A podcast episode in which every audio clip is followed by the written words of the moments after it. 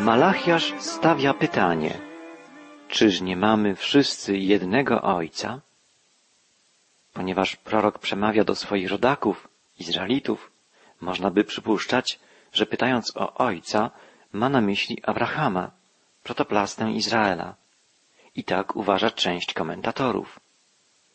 Ale następne pytanie, postawione przez proroka, wskazuje na inny sens jego wypowiedzi. Malachiasz pyta, czyż nie stworzył nas jeden Bóg?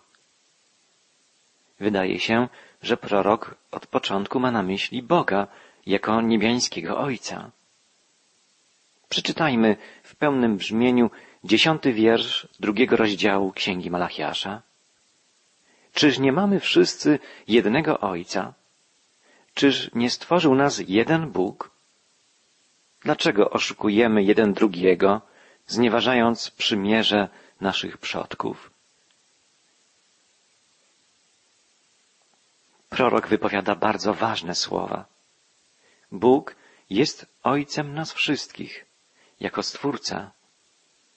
Bóg jest Ojcem całej ludzkości, gdyż ją stworzył. Pierwszy człowiek, Adam, nazwany był Synem Bożym i miał doskonałą łączność z Bogiem Ojcem. Został stworzony na Jego podobieństwo, na Jego obraz.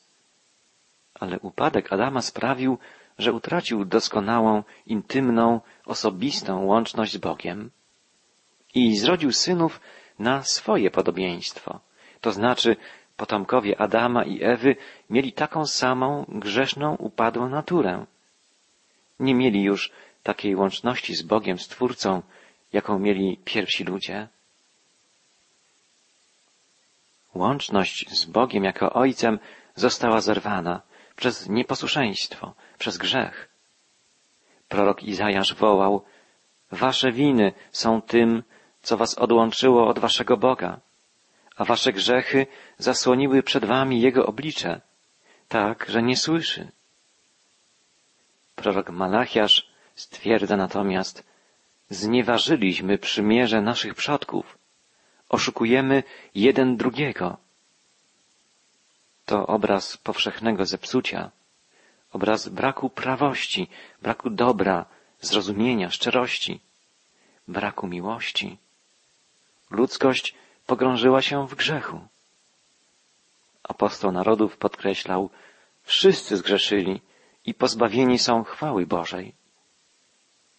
Jeden z najwybitniejszych misjonarzy naszych czasów, Billy Graham, napisał w książce zatytułowanej Pokój z Bogiem Biblia mówi nam dokładnie, co nastąpiło na początku i dlaczego człowiek od tamtego czasu posuwa się stale po ścieżce wiodącej ku zniszczeniu. Bóg stworzył świat jako doskonałą całość. Stworzył piękny, harmonijny świat, który człowiek odrzucił. Świat doskonały, który staramy się teraz znów odnaleźć. Świat, którego wszyscy poszukujemy. W tym doskonałym świecie Bóg umieścił doskonałego człowieka. Bóg obdarzył go najcenniejszym ze wszystkich darów, darem wolności. Dał człowiekowi wolność wyboru.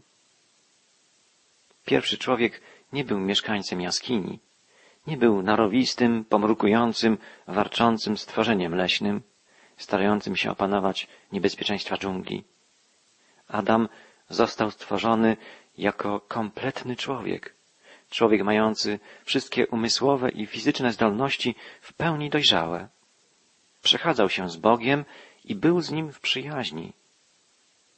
Miał być królem ziemi, miał panować z woli Boga.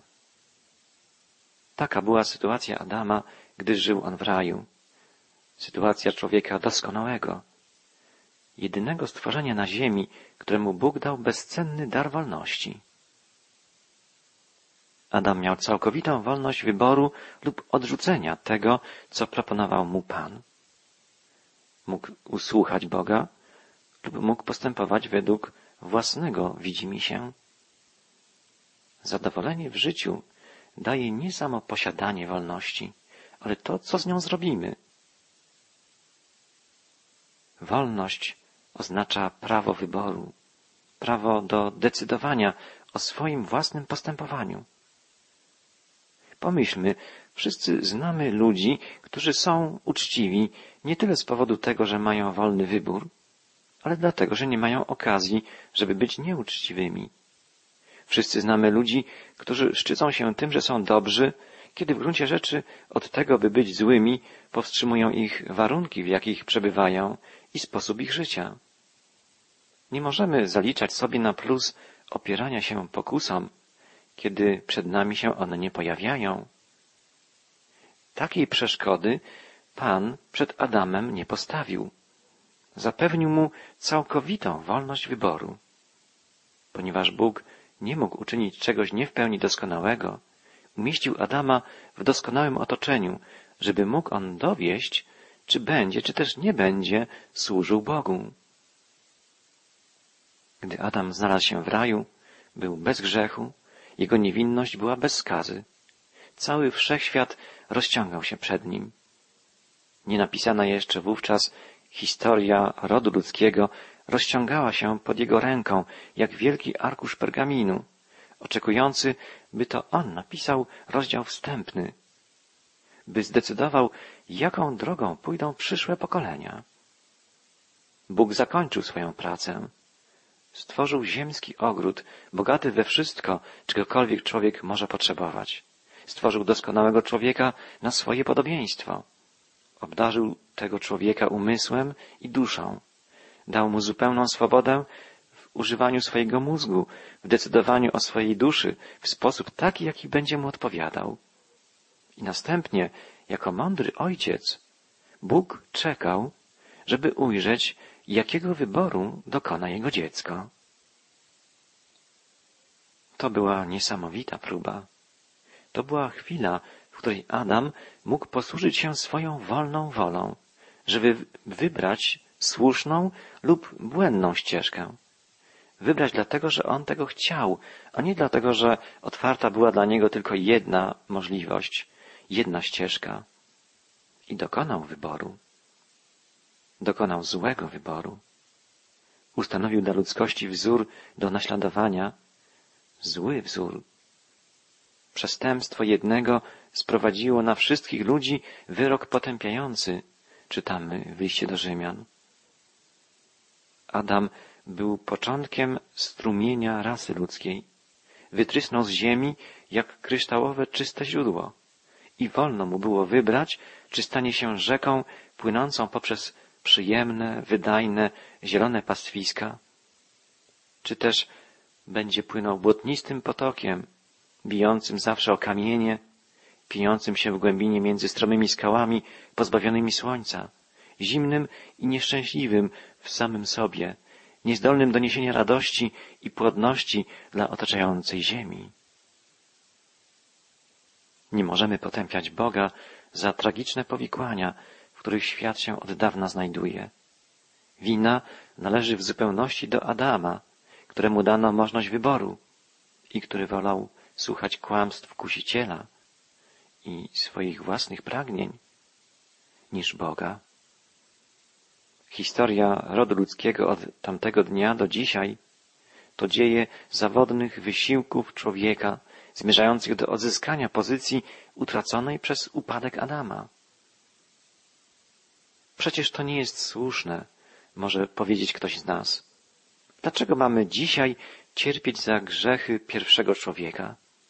Grzechy popełnione dawno temu, w zamierzchłych czasach?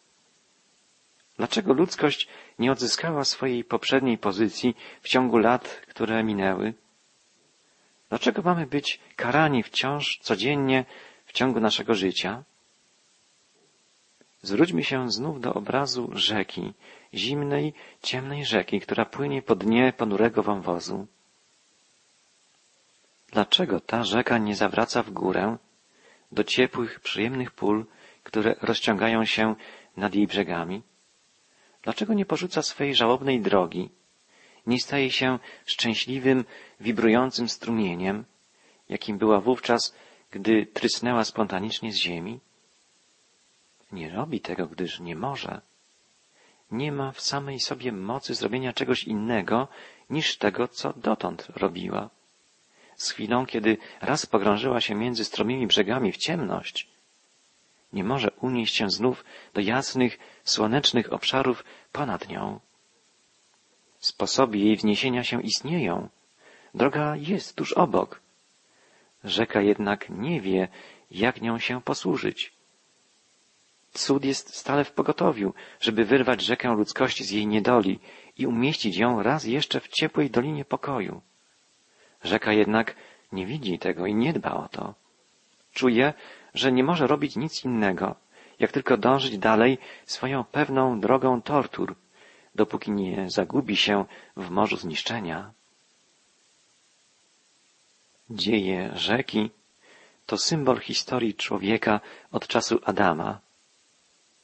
Jest to wijąca się, kręcąca, pogrążająca się coraz głębiej w przerażającej ciemności rzeka. Chociaż podnosimy głos i wołamy o pomoc, to jednak z własnej woli wybieramy wciąż fałszywą drogę, podobnie jak to uczynił Adam.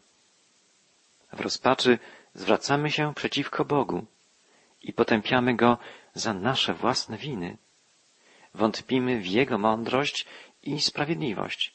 Oskarżamy Go o brak litości i miłości. Zapominamy, że Adam był głową rodu ludzkiego, podobnie jak prezydent jest głową państwa. Gdy działa prezydent, gdy podejmuje decyzję, uchodzi ona za decyzję i za działanie całego narodu. Adam to zbiorowy zwierzchnik rodu ludzkiego. Kiedy zawiódł, gdy uległ pokuszeniu i upadł, pokolenia jeszcze nienarodzone upadły wraz z nim. Biblia mówi bardzo wyraźnie, że skutki grzechu Adama ukażą każdego z jego potomków. Znamy wszyscy słowa zapisane w Księdze Rodzaju. Przeklęta będzie ziemia dla ciebie, w pracy z niej pożywać będziesz wszystkie dni życia twego, a ona ciernie i osty rodzić ci będzie. W pocie oblicza swego będziesz pożywał chleba, aż się nawrócisz do ziemi, któreś jest z niej wzięty, boś proch i w proch się obrócisz. Z powodu grzechu Adama ziemia, która niegdyś wydawała się tylko piękną, wspaniałą, wydającą dobre rośliny ziemią, teraz wydaje zarówno dobre, jak i złe rośliny, osty, chwasty. Człowiek, który niegdyś nie miał nic innego do roboty, jak tylko przechadzać się po raju i sięgać ręką po pożywienie, który nie potrzebował ubrania ani pożywienia, musi teraz mozolić się przez wszystkie dni swojego życia, żeby zaspokoić potrzeby własne i potrzeby swojej rodziny. Grzech przyszedł na ludzkość poprzez Adama i od tego czasu ludzkość stara się bez powodzenia pozbyć się grzechu, wyrwać się z jego więzów. Biblia uczy, że Bóg ostrzegł Adama, zanim on zgrzeszył, że jeśli zje z drzewa wiadomości, na pewno umrze. Biblia mówi również, że Bóg polecił Adamowi i Ewie, żeby rozmnażali się i zapełniali ziemię. Ale choć stworzeni byli na podobieństwo Boga, po upadku Adam i Ewa wydali dzieci na swój obraz i podobieństwo nie na obraz i podobieństwo Pana. W następstwie tego Kain i Abel zarażeni zostali śmiertelną chorobą grzechu, którą odziedziczyli po swoich rodzicach i która odtąd przechodziła na każde następne pokolenie. Wszyscy jesteśmy grzesznikami, drogą dziedziczenia i choćbyśmy się starali, nie możemy uniknąć tego, co dziedziczymy.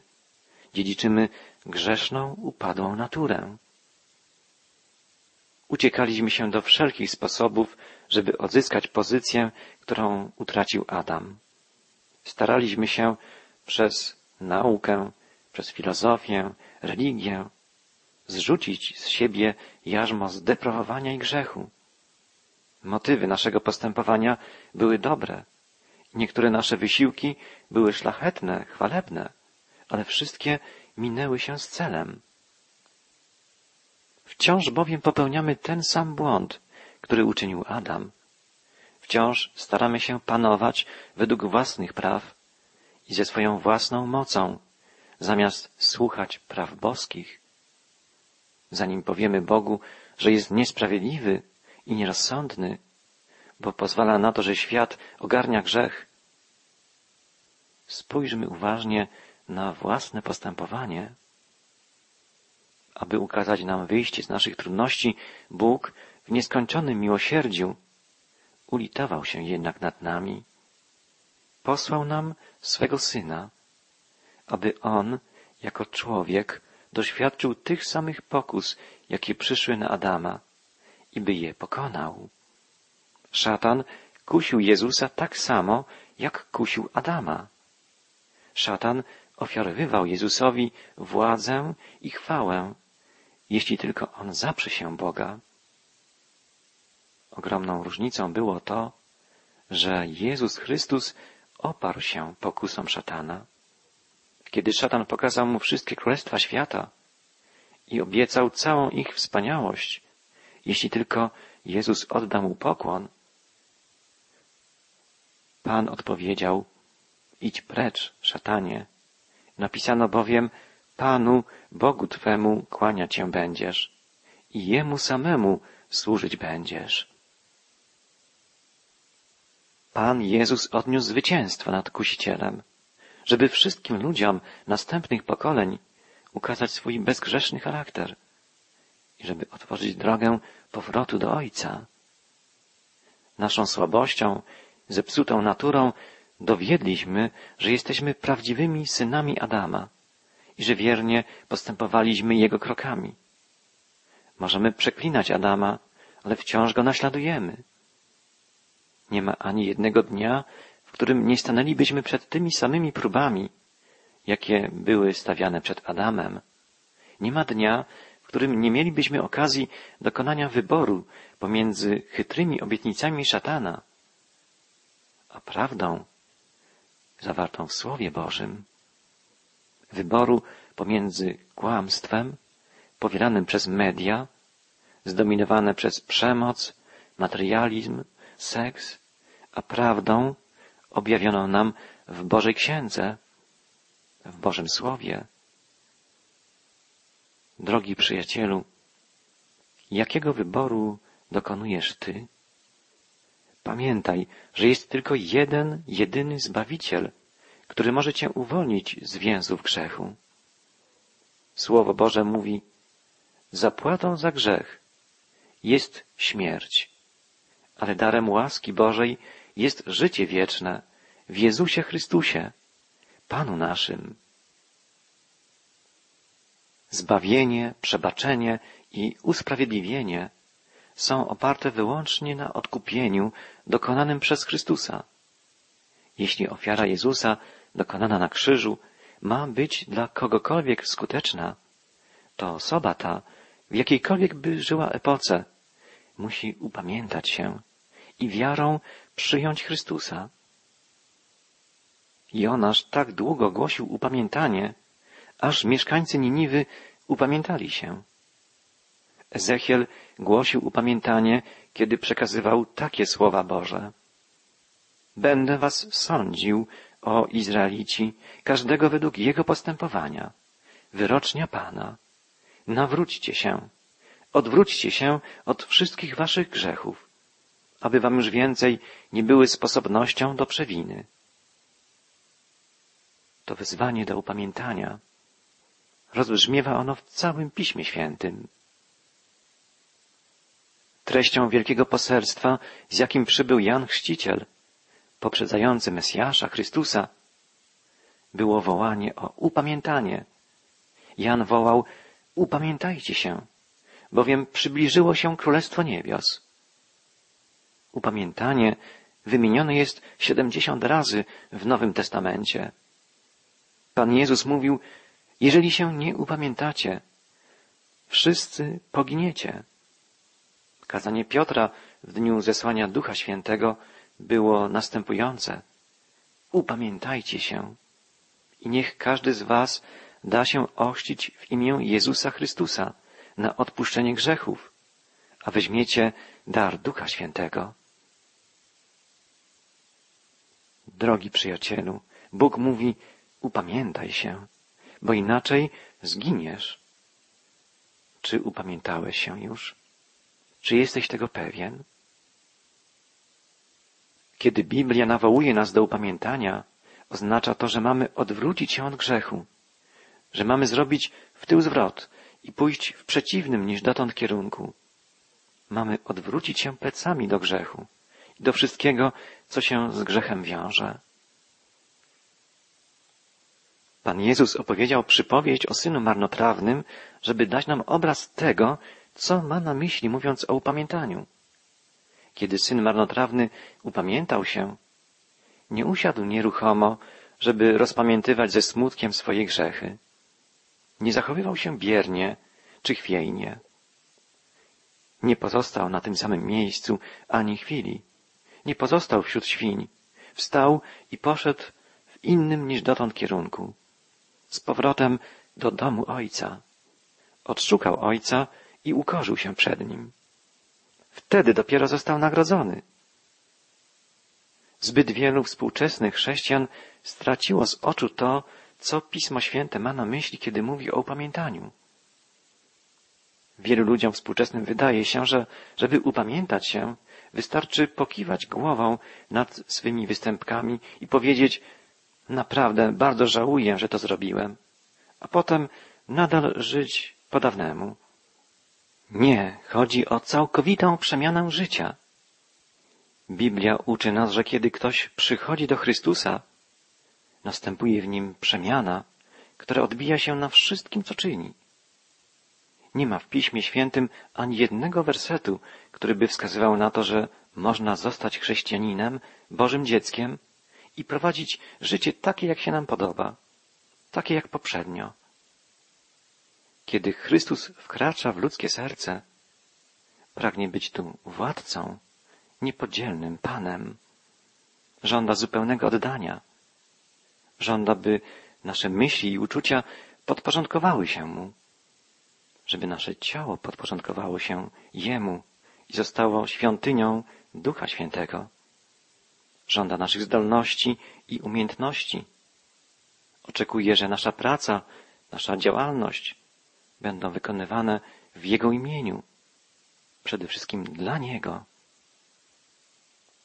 Pan Jezus ostrzega nas, że nie przyjmie nas do swego królestwa, dopóki nie będziemy gotowi wyrzec się wszystkiego, co nas zniewala, dopóki nie będziemy gotowi odwrócić się od grzechu, który nas usidla. Zerwijmy z grzechem i poddajmy wszystko Zbawicielowi, a nasz niebiański Ojciec dokona w naszym życiu wielkiej przemiany.